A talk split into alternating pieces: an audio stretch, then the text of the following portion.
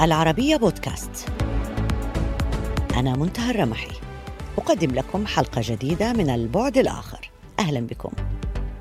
إيما لازاروس شاعرة أمريكية عاشت في القرن التاسع عشر واشتهرت بقصيدتها التي تم نقشها على قاعدة تمثال الحرية في نيويورك عام 1903 ترحب بالمهاجرين القادمين إلى العالم الجديد وتقول هات المتعبين والفقراء والجموع التواقة لنسمات الحرية. أمريكا كانت نموذجا لصناعة أمة من المهاجرين المتعبين والفقراء الذين تتحدث عنهم القصيدة. هؤلاء الذين وجدوا أحيانا ملامح الحلم الأمريكي بالرخاء أو استيقظوا في أحيان أخرى على واقع لا يعترف بقوافي الشعر ولا خيال الشعراء. ولكن الهجرات استمرت تعيد صياغة المجتمعات الغربية طوال القرن العشرين موجات متتالية كانت أكبرها بعد الحرب العالمية الثانية عندما قام المهاجرون المتعبون والفقراء بإعادة بناء المجتمعات الغربية التي أفرغتها الحروب من العمال والبنائين بينما أصبح العلماء والأطباء والمهندسون المهاجرون هم القاعدة التي تقوم عليها الجامعات والمؤسسات العلمية والمهنية في أوروبا وأمريكا. في الوقت الحالي أصبحت قضايا الهجرة واحدة من القضايا العالمية التي تضغط على الحكومات في كل مكان. ورغم أن الحركات اليمينية التي تنتشر في العالم الغربي ترفع شعارات واضحة معادية للمهاجرين إلا أن ذلك لم يمنع مجلة فورين بوليسي أن تنشر دراسة مثيرة حملت عنوان من سيفوز في الحرب العالمية من أجل المواهب بعد الإغلاق الكبير ستأتي الهجرة الكبرى التالية وتؤكد الدراسة أنه بعد انتهاء الجائحة وعودة نشاط خطوط السفر والهجرة حول العالم سوف يكون هناك منافسة غير مسبوقة بين القوى العظمى التقليدية والصاعدة للحصول على الحصة الأفضل والأكبر من كعكة المهاجرين حول العالم. باراغا خانا وهو كاتب هذه الدراسة في فورين بوليسي هو أستاذ الاقتصاد بجامعة لندن ومؤسس شركة فيوتشر ماب لتحليل البيانات الاستراتيجية. اسمحوا لي أن أرحب به في هذه الحلقة. من البعد الآخر أهلا بك معنا سيد خانا. Thank you. Thank you so much. شكرا جزيلا على الاستضافة. دعني أبدأ معك بملامح موجة الهجرة القادمة التي تحدثت عنها. بناء على ماذا؟ وما هي أسس هذه الدراسة؟ أردت أن أكتب كتابا حول الجغرافيا البشرية وهي جغرافية توزيع الأنواع البشرية في العالم. ثمانية مليارات أين هم ولماذا نحن في كل مكان نتواجد به وأين سننتقل في المرحلة القادمة وما هو دافعنا وما هو الذي يدفعنا للانتقال إلى اماكن جديدة؟ هناك عوامل عدة لكن هناك أيضا فئات من الأسباب. قد يكون هناك أسباب تابعة للسياسة التي تدفعنا للخروج من بلادنا أو حروب أو اقتصاد. إذا فقدت عملك وتبحث عن فرصة عمل جديدة أو تكنولوجيا تمكنك أن تعمل آه، عن بعد من أي مكان في في العالم. وربما يكون التغير المناخي كذلك. بعض الدول يصعب العيش فيها بسبب الجفاف وموجات الحر والفيضانات والحرائق وارتفاع منسوب مياه البحر. عوامل عدة تحدث في نفس الوقت وهي تغير خريطة تواجد البشر في العالم. لكن هنا علينا أن نميز بين المهاجرين برغبتهم واللاجئين الذين هم يعني رغما عنهم يضطرون للجوء ويغادرون بلدانهم ومناطقهم صحيح؟ طبعا مؤكد هذا صحيح. ففي القرن العشرين على سبيل المثال كان هناك آه، شعوب عديدة أجبرت على المغادرة مثلا تقسيم الهند وباكستان وكثير من الأحداث السياسية العميقة المؤلمة التي دفعت الشعوب للهجرة إلا أن الأعداد الأكبر التي تنقلت في القرن العشرين كانوا طوعا يهاجرون يبحثون عن فرص اقتصادية وهذا ينطبق على الشعب التركي الذي انتقل إلى أوروبا واللاتينيين الذين انتقلوا إلى أمريكا الشمالية أو الهند والباكستاني والباكستان شعوبها انتقلت إلى دول الخليج بحثا عن فرص. هذه مساع طوعية يسعى فيها الإنسان لإيجاد فرص أفضل لنفسه ولأسرته. وهذا ينطبق حتى على وضعنا الراهن الراهن. أما الآن فالتغير المناخي أصبح عنصر أساسي. ففي هذا القرن سيكون التغير المناخي أكبر دافع للهجرة أكثر من أي عنصر آخر وبالتالي فهو سيقع تحت فئة الهجرة القسرية حضرتك أشرت إلى القرن العشرين. كان في شيء ميز نهايات هذا القرن وهو موجات اللاجئين التي تصاعدت وذهبت في معظمها إلى الدول الغربية من جهات مختلفة سواء من إفريقيا أو من الدول العربية أو من بعض الدول الآسيوية، هذا يدعونا للسؤال إذا كانت هذه المجتمعات الغربية أو الدول الغربية قد تشبعت بالمهاجرين مع موجة اللجوء هذه أم ما زال هناك متسع؟ well, you know, هناك آه، حجة آه، يطرحها البعض الذين يعارضون الهجرة عندما يقولون أن هناك عدد كبير من المهاجرين في بلادهم. لكن هذا ليس صحيح آه، واقعيا. فالولايات المتحدة وكندا بحاجة لأعداد كبيرة إضافية من المهاجرين التركيبة السكانية ليست كافية. أوروبا وضعها آه، مختلف. الفئة السكانية في أوروبا هي من المسنين أكبر آه، فئة وبالتالي هم بحاجة لشباب ليقوموا بالمشاركة الاقتصادية في بناء الدولة. ليست وفرة المكان والمساحة بل هي سياسة آه، تناغم المهاجرين للانسجام وأن يندمجوا ليكونوا منتجين وبنائين في هذه المجتمعات.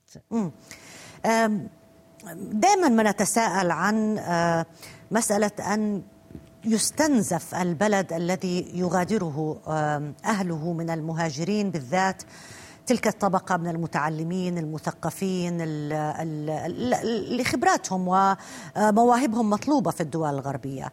وهنا نتساءل عن المجتمعات الصاعدة اقتصاديا في جنوب شرق آسيا مثل الصين والهند.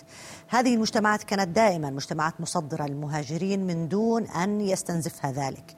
هل يمكن أن تحدث حركة عكسية وتصبح في وقت ما ترحب بنوعيات معينة من المهاجرين من ذوي الخبرة أو من أصحاب رؤوس الأموال مثلا؟ نتحدث عن دول شرق آسيا هنا. إن آسيا تضم أكبر تعداد سكان من أكثر من أي منطقة في العالم. 4.5 مليار وبالتالي هي مصدر آه، آه، مهاجري المستقبل وبالتالي آه، أيضا هناك عنصر آخر وهو أن السكان من الشباب باكستان والهند سكانهم من أعمار فتية وبالتالي يحاولون أن ينتقلوا إلى أمريكا الشمالية وإلى أوروبا وربما كازاخستان وروسيا واليابان. تجدين أن الشعب الآسيوي الشاب يتنقل أكثر من أي فئة سكانية في العالم.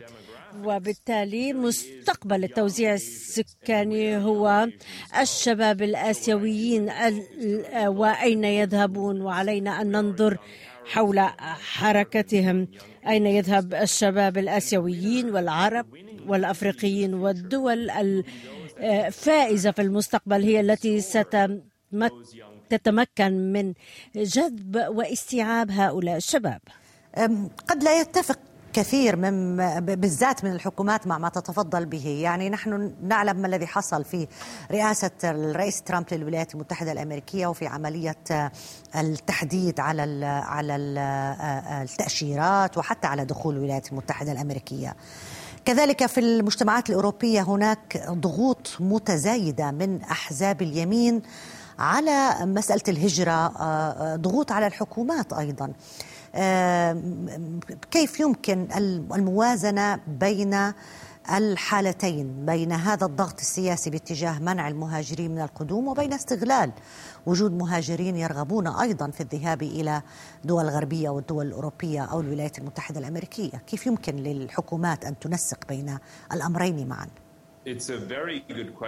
هذا سؤال جيد جدا ولكن علينا ان نتذكر ان ما حدث في اداره ترامب في الواقع هو ان الولايات المتحده اصبحت أكثر تنوعا وعرقيات أكثر وهناك عدد متزايد ممن يعرفون بانهم من اصول اللاتينيه هناك تنوع في الولايات المتحده بغض النظر عن الرئيس ومن يكون الرئيس هذه كانت ظاهرة بسيطة إلا أن إدارة بايدن تحاول أن توسع الهجرة وتعطي الجنسية للمهاجرين وزيادة حصص التأشيرات للمهنيين من مختلف العالم. آه، كندا 400 آه، ألف مهاجر كل سنة وأمامهم طريق ليصبحوا مواطنين كنديين. ألمانيا الأحزاب آه، المؤيدة للجوء فازت وليس المتشدد متشددي اليمين. كان هناك حركة المهاجرين السوريين. حتى في بريكسيت في بريطانيا أصبح الانتقال إلى بريطانيا أسهل الآن من مرحلة ما قبل بريكسيت هناك سياسيين يحاولون أن يستغلوا قضية اللجوء لصالح برنامجهم السياسي لكنهم لا ينجحون. فنحن بشكل عام نرى توسعا للهجرة. فبالأساس فهي مسألة عرض وطلب وعندما تحتاج الدول للعمالة هم بحاجة لمهاجرين. فانجلترا اليوم لديهم نقص لمئة ألف آه، سائق آه، شاحنة بسبب عدم وجود لاجئين سيتعلمون آه، في كل مختلف الدول سواء بالطريقة السهلة أو الصعبة كيف يكونوا عقلانيين في هذه السياسة المتعلقة بالهجرة وأنت تتحدث عن موجة هجرة كبرى قادمة بعد الانتهاء من جائحة كورونا صحيح؟ أعتقد أن الدوافع والمحفزات كانت اقتصاد سياسة تغير مناخي كلها قوية جدا الآن. وبالتالي على الرغم من وجود آه، إغلاقات بسبب الجائحة إلا أننا سنرى فورا مواصلة للمسيرة التي كانت قبل الجائحة وهو توسع للهجرة العالمية فهذه الدوافع آه، تتسارع الآن. من الناحية الاقتصادية هناك دائما ترحيب بنوعية معينة من المهاجرين الذين ينتقلون إما برؤوس أموال أو خبرات مفيدة للمجتمعات الجديدة لكن هذا عادة ما يأتي بأعباء ثقافية واجتماعية على هذه المجتمعات كيف يمكن برأيك تحقيق التوازن؟ إن المسألة الأهم هي مساعدة اللاجئين في الاندماج ليكونوا منتجين ويفيدوا المجتمع وبالتالي تعليمهم اللغة والمهارات وتعليمهم وتدريبهم وتوزيعهم على مختلف مناطق الدولة حيث هناك حاجة لهذه المهارات. فالولايات المتحدة وكندا ليسوا بحاجة أطباء بل ممرضين وعمال بناء. نحن بحاجة لسياسات براغماتية. عندما يصل اللاجئين إن كانوا سيبقون آه، على الدول أن تطرح سؤال ما هي الاستثمارات التي تتم في هؤلاء اللاجئين كي يثروا المجتمع؟ سيد باراغ خانا كاتب الدراسة المهمة في فورن بوليسي وأستاذ الاقتصاد بجامعة لندن ومؤسس شركة فيوتشر ماب لتحليل البيانات الاستراتيجية. شكرا جزيلا لك على المشاركة معنا في هذه الحلقة من البعد الآخر. هناك ظروف عديدة جعلت من بعض مجتمعاتنا العربية مصدرة للمهاجرين خاصة بعد عدم الاستقرار الذي أصاب العديد من الدول العربية خلال السنوات العشر الماضية. في صحيفة الأهرام نقرأ تحقيقا حول هذا الموضوع حمل عنوان نزيف الأدمغة العربية القاتل دون ضجيج. يرصد التحقيق كيف تحولت هجرة الكفاءات المهنية العربية إلى ظاهرة تهدد كثير من المجتمعات بعد أن أصبح حوالي 50% من الأطباء و23% من المهندسين و15% من مجموع الكفاءات العربية المتخرجة يهاجرون متوجهين إلى أوروبا والولايات المتحدة وكندا. حول هذا الموضوع اسمحوا لي أن أرحب بضيفي من عمان الدكتور تيسير أصماضي الخبير الاقتصادي ووزير التخطيط والتعاون الدولي الأسبق. أهلا بك معنا مع الوزير. أهلا وسهلا. مساء الخيرات. قضايا الهجرة واللجوء في عالمنا العربي آه، آه، يعني بنحاول نميز بينهما ولكن هي مغادرة العالم العربي. أصبحت ضاغطة في كثير من المجتمعات. كيف يمكن إدارة هذه الأزمة برأيك؟ وفي الحقيقة يعني مسألة الهجرة من الدول العربية إلى العالم المتقدم سواء في الولايات المتحدة أو كندا أو غيرها من الدول الأوروبية أيضا هي آه، يعني ظاهرة يعني مر عليها الكثير من آه، العقود وبالتالي هي ليست بالظاهرة آه، الجديدة. ما طفى على السطح في الفترة الأخيرة كان موجة اللجوء الناجمة عن عدم الاستقرار السياسي في بعض الدول العربية التي شهدت بعض الحروب أو الاقتتال آه، الداخلي. ولكن في حقيقة الأمر يعني على المستوى العالمي نجد بأنه يعني النسبة الكبرى من الهجرة من الدول النامية آه، إلى الدول المتقدمة هي الهجرة المنتظمة بهدف الحصول على آه، فرص عمل لوجود آه، بيئة جاذبة في تلك المجتمعات من مختلف الجوانب ويقابلها مع شديد الأسف وجود بيئة طاردة للكفاءات وأصحاب يعني المهن أو أصحاب الشهادات آه، ذات الاختصاص آه، آه، العالي والتي يعني تتطلب وجود بنية تحتية مناسبة لاحتوائها بما في ذلك يعني مراكز بحث علمي ومراكز التطوير والشركات ذات العلاقة ب الاتصالات وتكنولوجيا المعلومات أو مم. الشركات المرتبطة بما بات يسمى بالاقتصاد الرقمي مم. وبالتالي آه، آه، هذه الهجرة يعني آه، هجرة مستمرة إيه بس حضرتك ذكرت معاليك يعني ذكرت بأنه هي ليست جديدة يعني اللي كان ضاغط بالعشر سنين الأخيرة هي مسألة اللجوء بس الهجرة للبحث عن عمل وعن فرص صحيح. ليست جديدة بس إحنا يبدو في عالمنا العربي يعني لا تزعجنا هذه المسألة بحيث أنه لم تتخذ أي إجراءات للحد من مسألة الهجرة. آه، في الواقع يعني آه، لا آه، ليس هناك إجراءات للحد من هذه الظاهرة لأنه على ما يبدو بأن متخذي السياسات يرون أن في ذلك يعني نفع وعائد للاقتصادات الوطنية من خلال ما يسمى بتحويلات العاملين في الخارج. التي يعني يساهم بها هؤلاء آه، من آه، البلدان التي يعملون بها. وفي ذات الوقت يعني لا ننسى بأن هناك معدلات بطالة مرتفعة في الدول العربية ومعدلات فقر مرتفعة وبالتالي فالبعض يعني قد يقلل من أهمية مثل هذه الهجرة على الرغم من أنه العائد مهما كان ونحن نتكلم عن العائد المادي الآن مهما كان لا يعوض عن الخسارة التي تلحق بهذه المجتمعات جراء النزيف المتواصل لأصحاب الكفاءات ولهجرة الأدمغة من الدول العربية لأن هؤلاء هم يعني يعتبروا من القوى الدافعة لعملية النمو الاقتصادي ولعملية التنمية الاقتصادية المستدامة. وهذه تعود بالنفع على الاقتصادات الوطنية بشكل آه، كبير جدا. ولكن على ما يبدو بأنه هناك آه، قصر نظر. وأنا يعني آه، آسف لاستخدام هذا التعبير في أي بس هي الحقيقة. آه هذا الموضوع بحيث يتم م. التركيز على جانب هو جانب التحويلات التحويلات المالية وهو ليس. العملات الصعبة التي نعم م. صحيح. صحيح. في نقطة مهمة كنا نناقشها بال... بالجزء الأول من البعد الآخر وهي أنه في تحذيرات الحقيقة أو في قراءات تتحدث عن موجة هجرة كبرى قادمة بعد الانتهاء من جائحة كورونا. وهنا نتحدث عن كفاءات الحقيقة وليس فقط عن رؤوس أموال.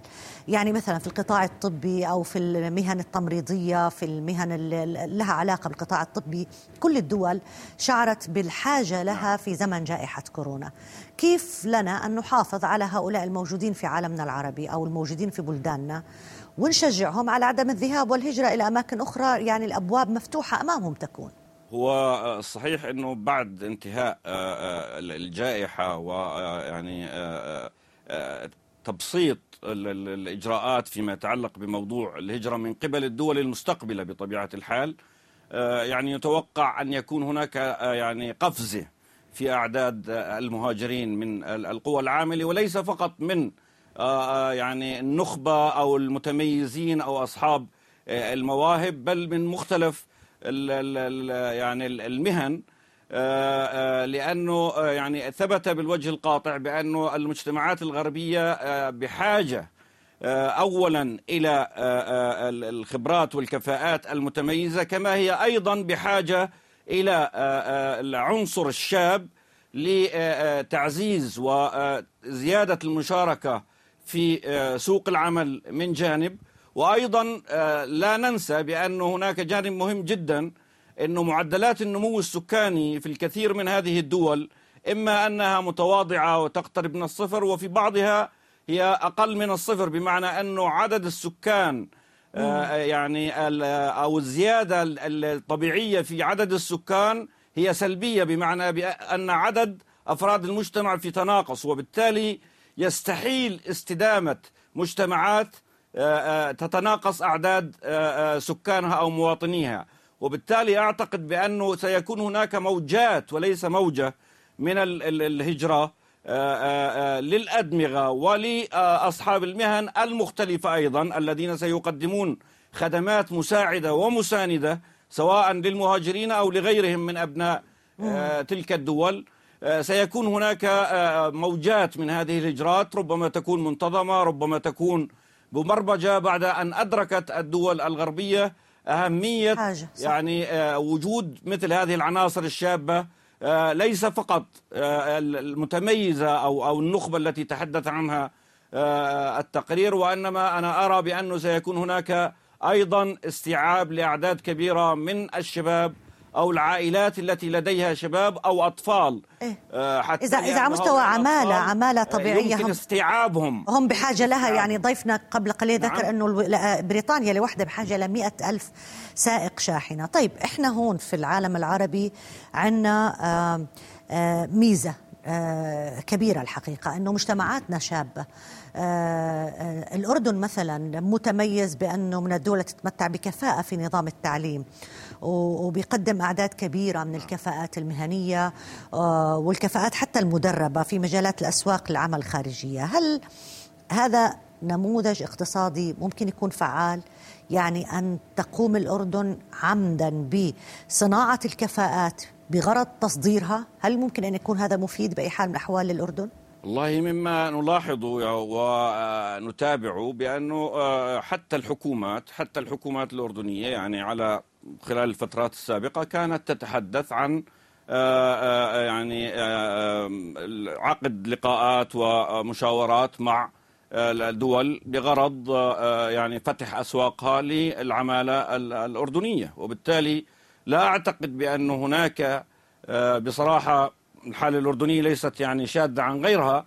لا أعتقد بأنه هناك آه، تمسك يعني آه، إذا فهمت السؤال بأنه بمثل هذه الكفاءات بل أن هناك محاولة ل يعني آه، فتح الأسواق أمامها من أمام. خلال قيام الحكومة بعقد إيه بس بس هون الأردن يعتبر خسران ولا كسبان؟ مثل هذه الأعداد الأردن يعتبر خسران ولا كسبان؟ أنا بعتقد على على المستوى البعيد آه، هو بالحقيقة العنصر يعني البشري لا يعوض وخاصة إنه مثل هذه الهجرات للدول المتقدمة والدول التي تمنح الجنسية والامتيازات هي هجرة بلا عودة على الأغلب.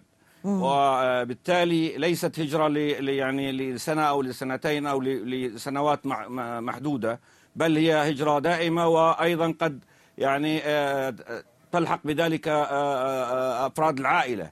فأعتقد بأنه على المستوى البعيد هناك خسارة كبيرة جدا لمجتمعاتنا جراء هذه الهجرة.